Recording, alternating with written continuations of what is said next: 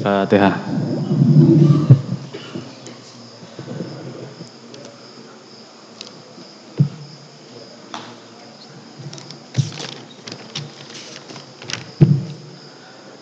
Nah, jadi ini ceritanya. Beliau Kiai Hasim untuk ngajar, untuk apa ya, eh, ngaos setelahnya tarawih, wis gak kuat. Wis kecapean Soalnya ngimami terus. Jadi sampai insya Allah sampai ba'dal tanggal piro? Tanggal 15 ya, piro? 15 kuwi sama beliau disuruh ganti kaku beliau bilangnya gak usah dimaknani cuma dijelaskan ditangkan ngono kuwi dari dari beliau biar cepat. Jadi kau usah lama-lama cukup setengah jam lah. Mungkin gak mungkin hatam nih. Wakeh.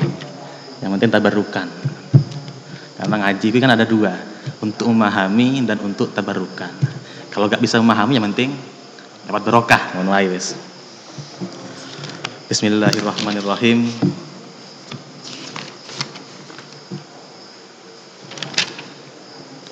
Ini ngaji pertama ya?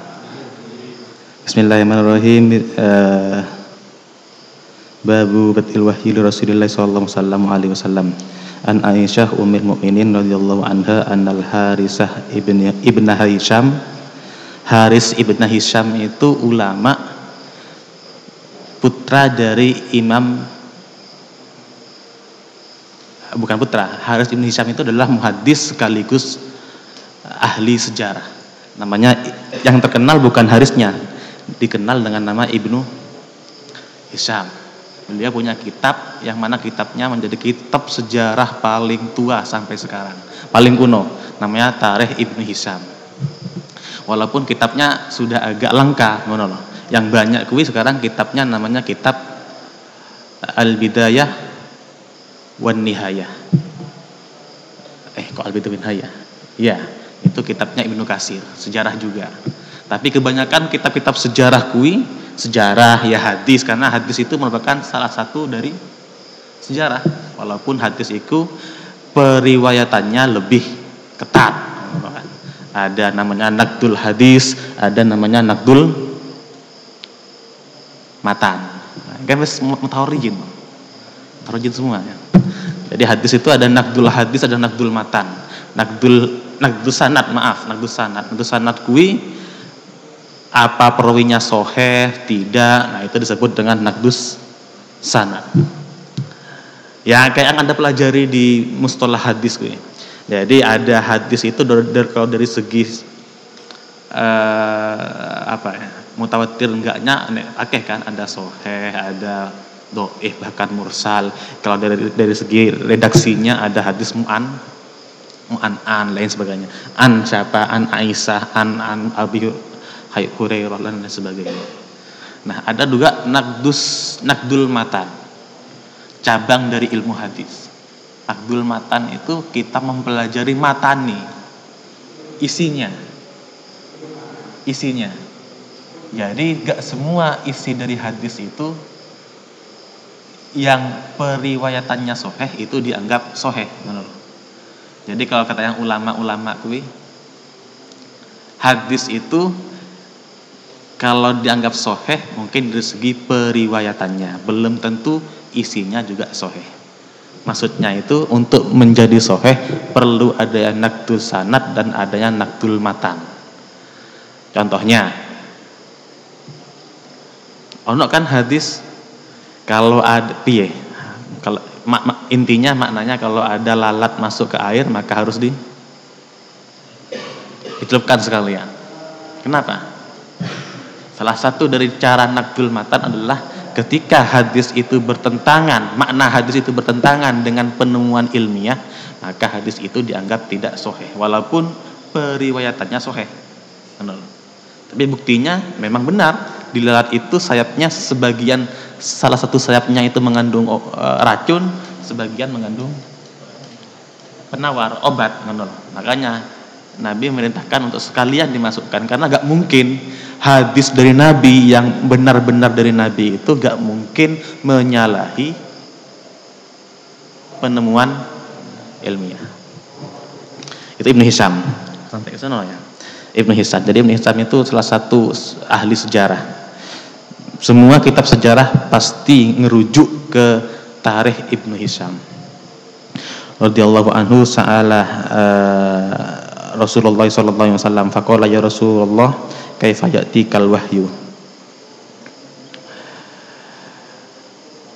Faqala Rasulullah faqala Rasulullah sallallahu alaihi wasallam ahyanan ya'tini misla salsalatil jarasih wa huwa ashadduhu ala alayya.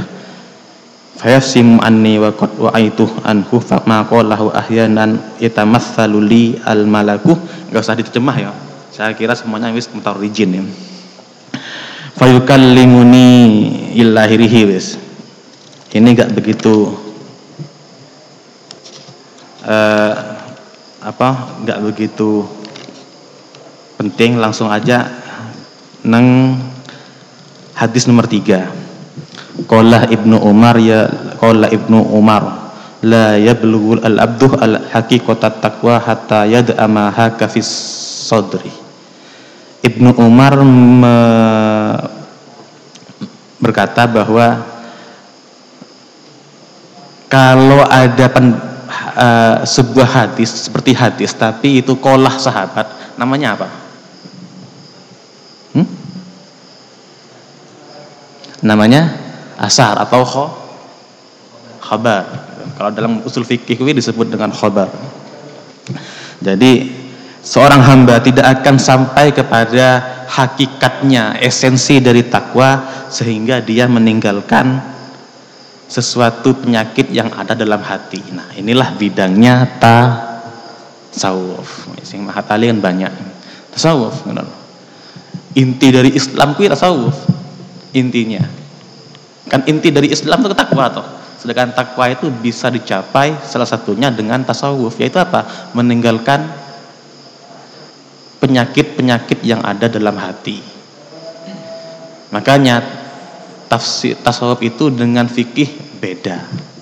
Fikih itu hitam putih, apa yang kelihatan dohir ya ku yang dihukum yang dihukumi. Kan ya? Anda sholat asal rukun syaratnya sah, benar, sah enggak?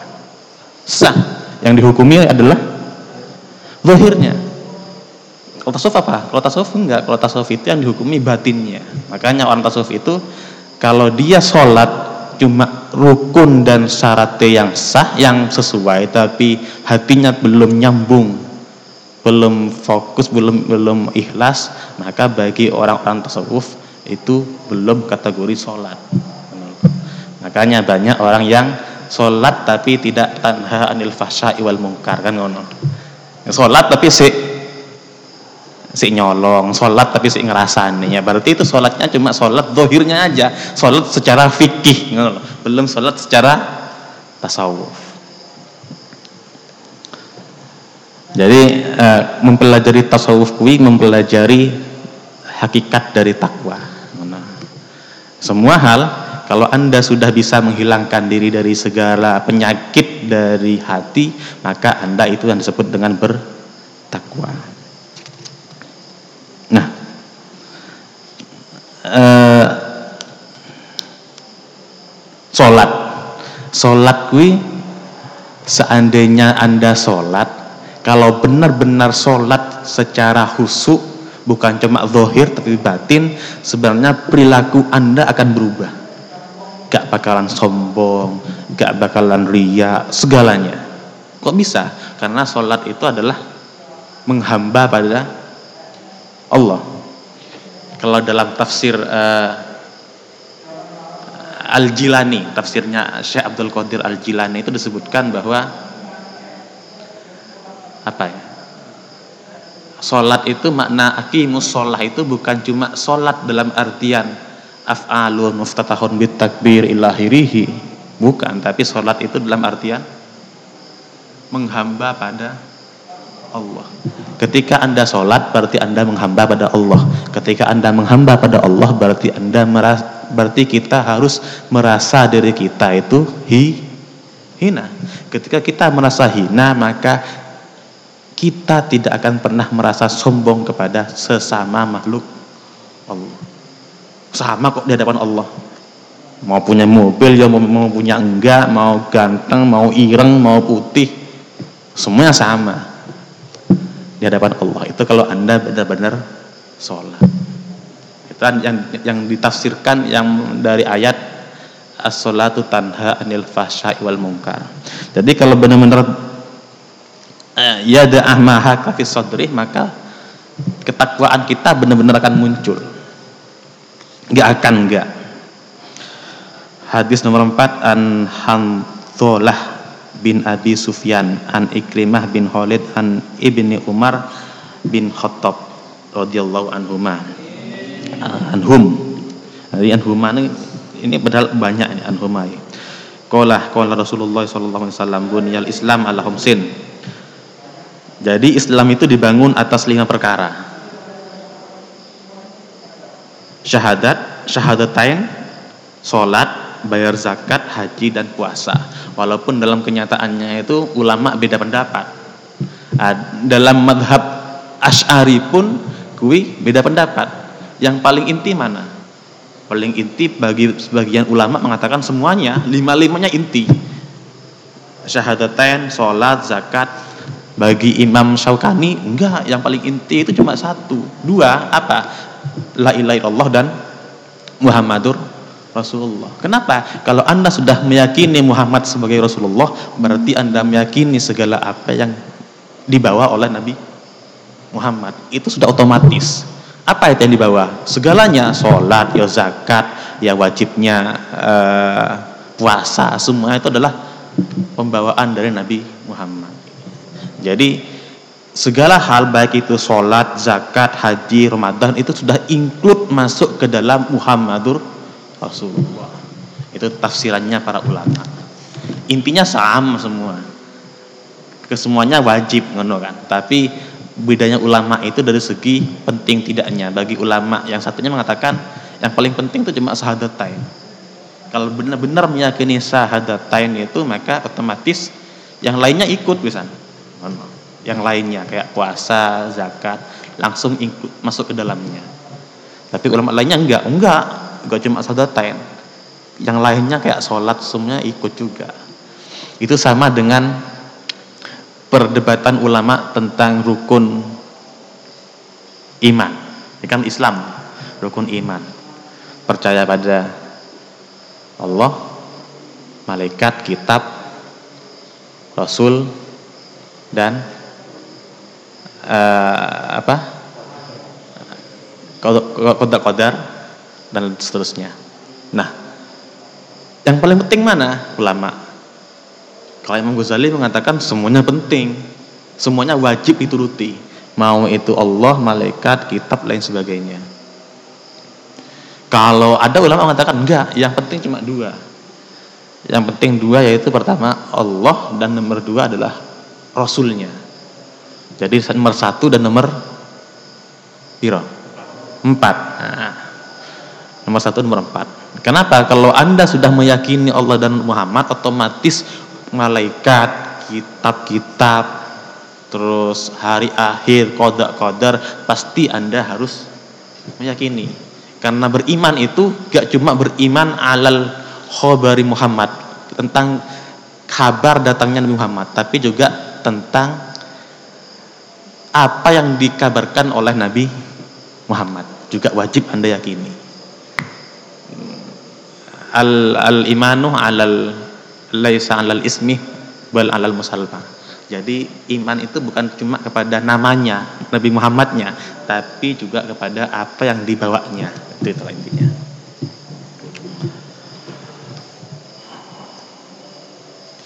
Qala Allah Ta'ala Ini ayat Al-Baqarah kalau nggak salah Ya Anda hafid laisal birru an tuwallu wujuhakum qiblal masyriqi wal maghrib walakinnal birra man amana billahi wal yawmil akhir wal malaikatihi wa wa malaikati wal kitabi wan nabiyyin ila akhirih. Ini ayat buh ayat berapa yang jelas ini surat Al-Baqarah. Ini uh, ini bercerita tentang atau ayat ini turun berkaitan dengan orang Yahudi dan Nasrani yang mengatakan bahwa albirru kebajikan, kebaikan itu adalah ber, apa, menyembah Tuhan menghadap Masyriqi wal Maurib, timur barat. Kenapa? Karena orang Yahudi Nasrani itu kalau kalau beribadah itu aslinya itu diwajibkan menurut mereka loh ya, itu diwajib menghadap timur barat. Kalau Anda ke Israel kui, di sana ada namanya tembok ratapan. Tembok ratapan itu tembok yang kalau dalam Islam ya mirip kayak Ka'bah lah. Jadi semuanya sujud ke sana. Jadi temboknya kui mungkin dari sini ke dalamnya Yasin panjangnya. Dipisah cowok cewek. Nah, kalau kalau Yahudi kalau Nasrani enggak kan, cowok cewek kumpul. Kalau Yahudi kui sama kayak Islam, jadi ada istilah mahram. Jadi harus pisah, ada satir.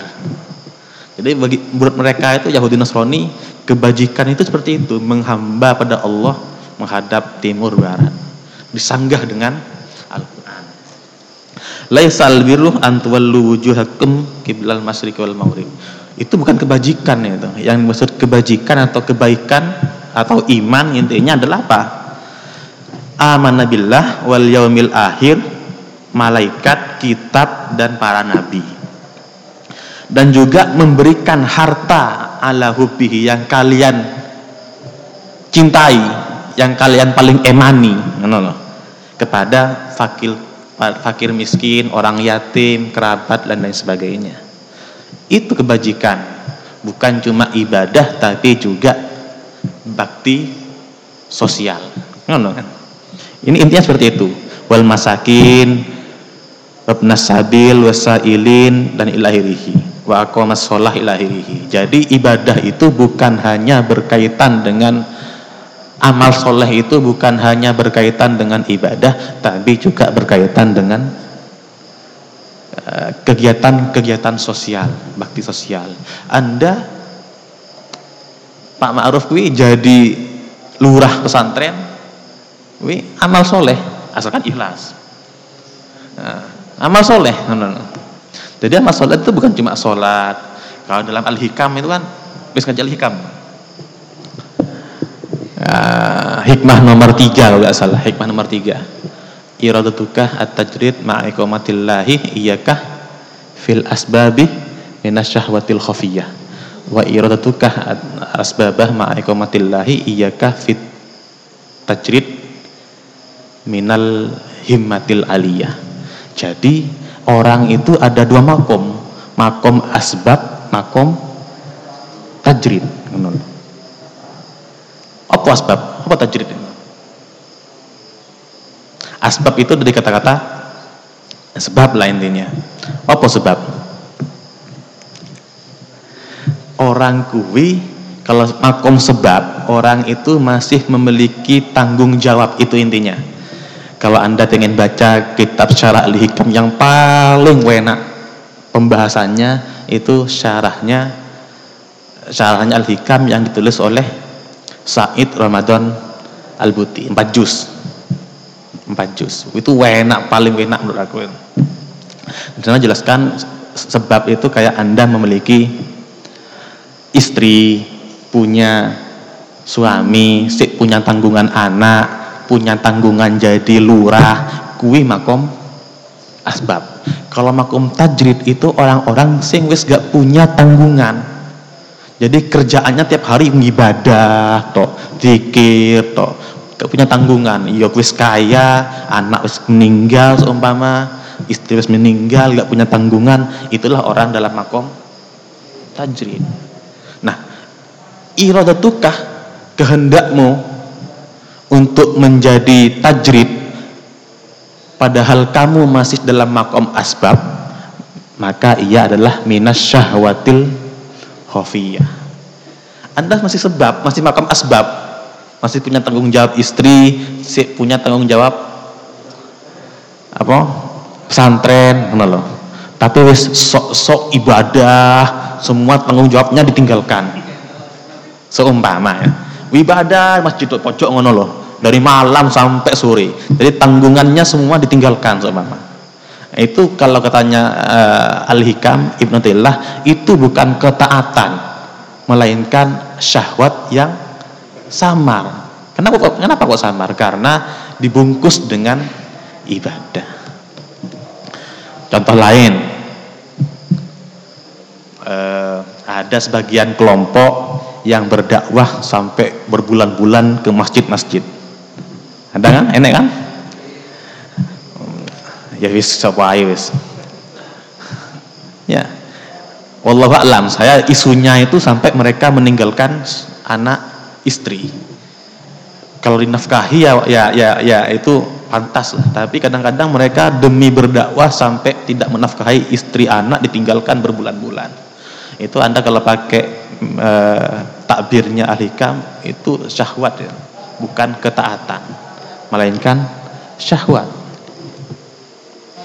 Dalam redak, dalam redaksi bahkan dalam redaksinya uh, Ramadan Al-Buti dalam syarahnya itu mengatakan jangankan itu Anda punya istri moro-moro Anda pulang kerja sampai rumah langsung pengen buduk langsung sholat tanpa menyapa istri tanpa senyum ke istri itu adalah maksiat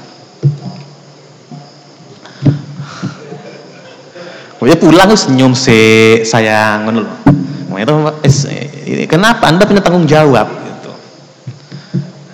Itulah amal soleh. Amal soleh itu bukan cuma ibadah tapi juga hubungan sosial, bakti sosial itu juga ibadah.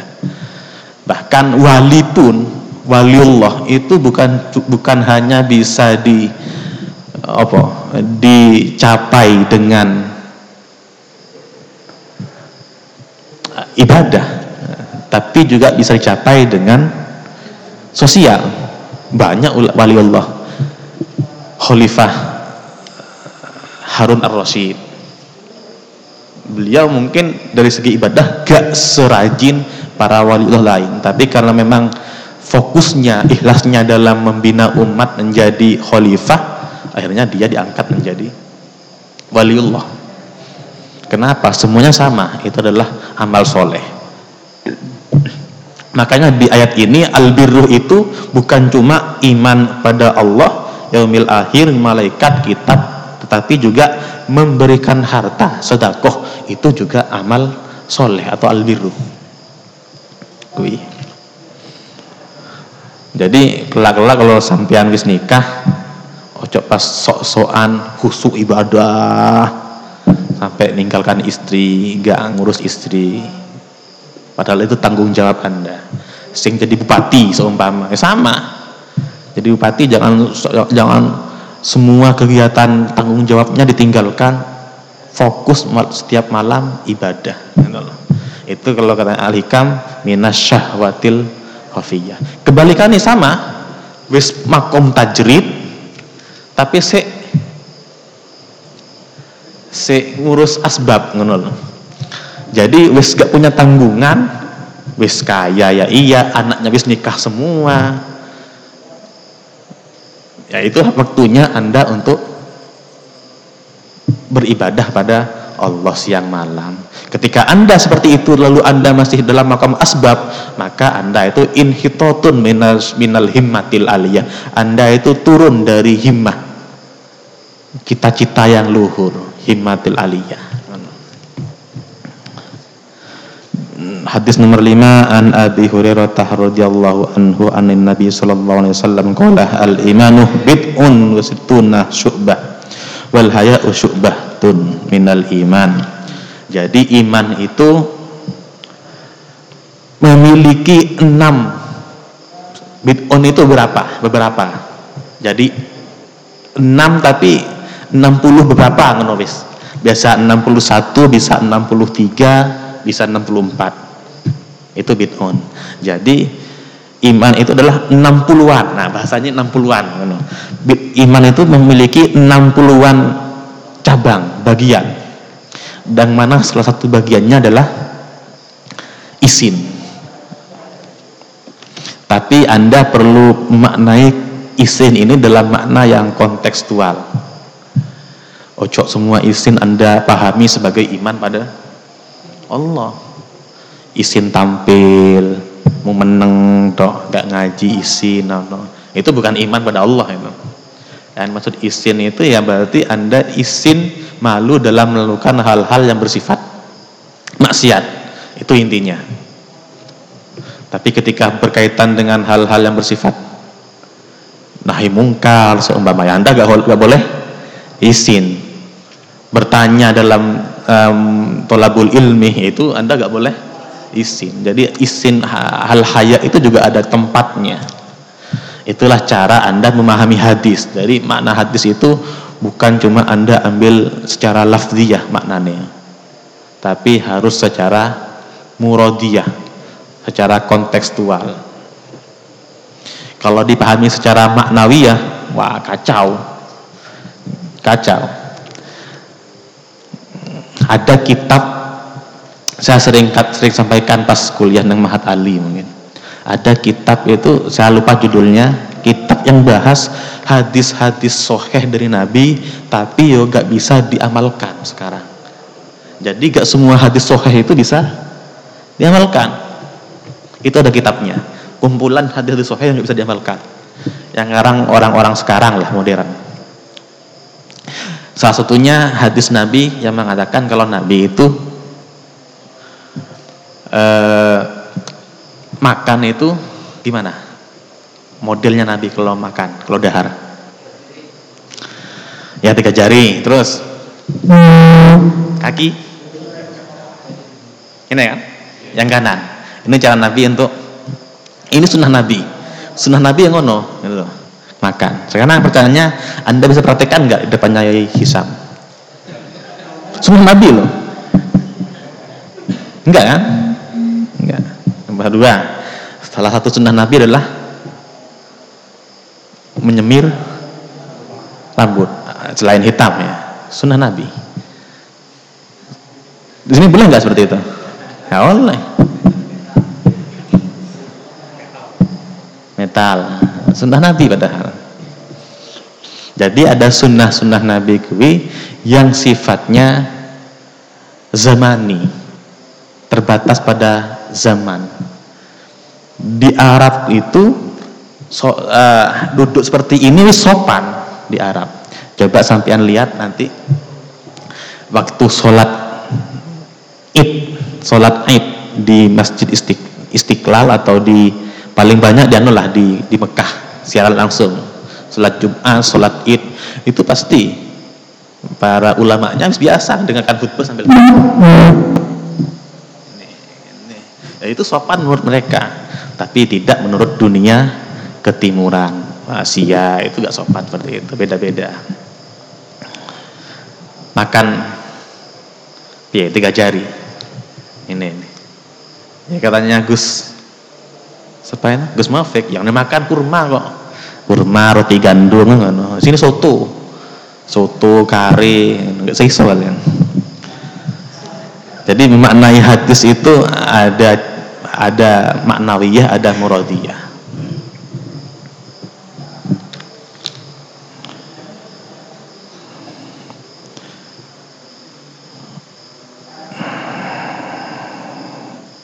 Babul muslimi al-kamilih wal hubbih wal bu'dih fillahi minal iman. Bab yang menerangkan muslim kamil cinta tresnoni Allah dan murkanya Allah.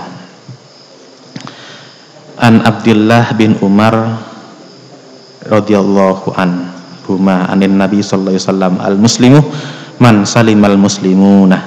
Jadi orang muslim itu adalah orang yang salaman sesama muslim. Apa yang salaman? Lisanihi dan yadihi. Dari segi ucapan dan dari segi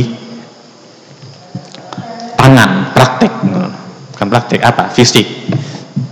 Makanya tradisi yang sekarang sering hilang adalah ketika bertemu sesama Islam, sesama Muslim, yaitu sering mengucapkan Assalamualaikum. Bahkan ulama mengatakan ada mewajibkan. Kalau ada mengatakan Assalamualaikum, wajib hukumnya kita menjawab Waalaikumsalam. Kenapa kalau diwajibkan? Atau diharuskan, dianjurkan di sini? Nyapa? Wal muhajiru lan wong kang hijrah man iku wong yaitu orang hajar yang hijrah yang meninggalkan perkara yang dilarang oleh Allah. Jadi itu. Jadi kata-kata muhajirin itu adalah orang yang hijrah meninggalkan perkara mungkar. Kenapa? Hijrah mereka dari Mekah ke Madinah. Mekah adalah pada saat itu adalah pusat kemungkaran. Mekah pada saat itu di Ka'bah wakeh banyak berhala toh. Sampai sejarahnya dalam Ka'bah pun ada ada ada berhalanya di dalam Ka'bah pun. Itu kemungkaran. Makanya mereka hijrah muhajirin hijrah ke mana? Ke Madinah. Nah maka hijrah itu adalah makna aslinya berpindah dari hal-hal yang bersifat mungkar atau dilarang oleh Allah ke yang bersifat anjuran atau diwajibkan oleh Allah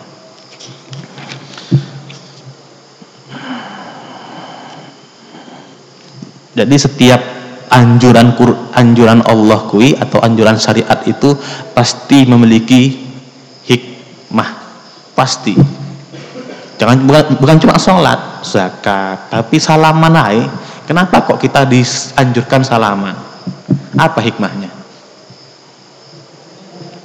Hmm? Al muslimu ahul muslim. Muslim itu orang Islam itu saling bersaudara. Untuk merekatkan kedekatan sosial maka kita dianjurkan untuk sering salam salaman itu hikmahnya. Gak ada satupun syariat yang dianjurkan baik diwajibkan disunatkan yang lepas dari hikmah. Gak enek semua pasti ada hikmahnya untuk manusia. Apa saja. Walaupun sholat itu hikmahnya khofiyah tersembunyi kita nggak tahu sholat apa hikmahnya sholat. Kok kok ada ruku, nunggi kan ngono. Nyapa? Gak ada yang tahu. Yang, yang ada cuma menerka-nerka. Ada yang nge-share apa manfaat sholat ketika untuk kesehatan. Ngono kan ada kan kadang-kadang. Padahal hikmahnya itu hafiyah, tersembunyi. Yang jelas ada hikmahnya. Tapi karena itu bersifat ta'abudi, ibadahnya bersifat ta'abudi, maka hikmahnya sulit kita ketahui. Wudhu, nyapa kalau kentut kok yang dibasuh muka, kok bukan pantat? Nyapa? Pasti ada hikmahnya, nggak mungkin nggak. Apa hikmahnya? Wallahu a'lam. Kenapa? Itu bersifat abudi. Kalau bahasa Inggrisnya itu apa ya? Taken for granted. Gitu. Kita langsung menerima perintah seperti itu dari Allah dari Quran, dari hadis. Kalau kentut ya harus kayak gitu caranya. Nah, itu tak budi kan. Kita nggak bisa tahu hikmahnya. Tapi yang jelas kita ini pasti ada hikmahnya. Embuh apa?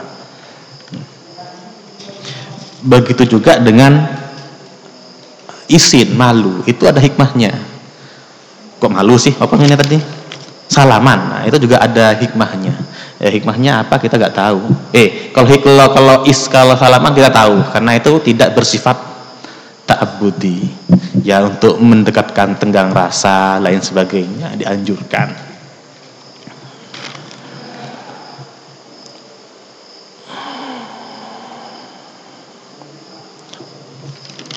Kita lanjutkan minggu minggu depan ya. Besok. Kita lanjutkan besok bab selanjutnya terus ya Buya kuwi kayak Yasin gak usah dimaknani wong wis tuwek-tuwek kok. Gak usah dimaknani cukup diar diartikan aja dijelaskan. Ya kalau seumpama ini hadis yang gak perlu dijelaskan gak usah dijelaskan. Bacai kalau ya ada yang perlu dijelaskan yang dijelaskan. Bilang aku wis gak kuat untuk ngajar. Jadi selanjutnya saya yang akan ngisi pengajian Jawahirul Bukhari Imam Bukhari. Kui ini kan jalur Bukhari bukan Imam Bukhari ya. Tapi kita bicara Imam Bukharinya aja Bukhari. Itu eh, dari uh, ulama hadis yang sembilan kui yang asli Arab ada berapa? Tahu? Kebanyakan dari uh, ulama atau kutubus sitah lah pengarang kutubus sitah yang enam itu itu mayoritas bukan orang Arab tapi orang orang non non Arab, orang Ajami, orang Ajami. Bukhari orang Uzbe, Uzbekistan. Muslim orang Kyrgyzstan. Uzbekistan itu yang itu. Uzbekistan itu pecahan nih. Oh Spanyol. Uh, Yugoslavia. Uh, kalau nggak salah ya nggak ngerti aku. Kalau nggak Uni Soviet ya Yugoslavia pecahannya. Jadi negara modern. Itu Imam Bukhari. Jadi pusat ilmu itu justru uh, dulu itu banyak dikuasai, istilahnya dikuasai sama orang-orang ajami daripada orang-orang Arab. Imam madhab yang empat itu dua orang Arab, dua orang ajami.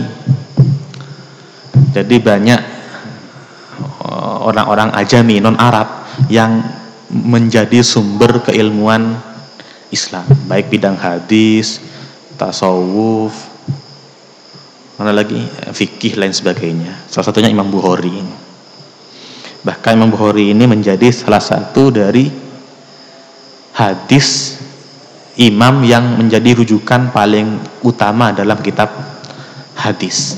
Setelahnya imam sebelum Imam Muslim. Jadi Bukhari lalu Muslim. Ini satu-satu paket kan. Makanya kalau ada kitab kalau ada hadis-hadis yang diriwayatkan atau ada dalam Bukhari maka itu paling utama untuk diamalkan. Dan Bukhari itu punya banyak kitab kan? Salah satunya adalah Soheh Bukhari. Yang paling banyak hadis Sohehnya ya dalam Soheh Bukhari. Ada kitab lainnya tapi uh, Al-Mufrad. Kitab Al-Mufrad itu kitab hadisnya kalau nggak salah Imam Bukhari juga. Tapi katanya wallahu alam saya belum baca juga. Itu ada sebagian yang doif. Tapi kalau yang soheh itu terkumpul dalam soheh Bukhari.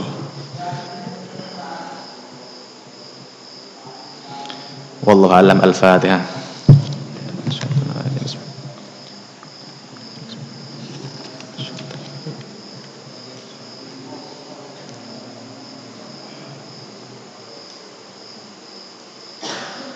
Assalamualaikum warahmatullahi wabarakatuh. Oh iya, aku kemarin ono sing bel ngaji ba'da duhur siapa? Jadi aku kalau habis duhur gak iso soalnya sih kuliah. Kuliah online. Nah, sekarang kan musim online-online loh. Kuliah pun harus online. Jadi ya wes ganti saya kiai wes. Allahumma sholli ala Muhammad.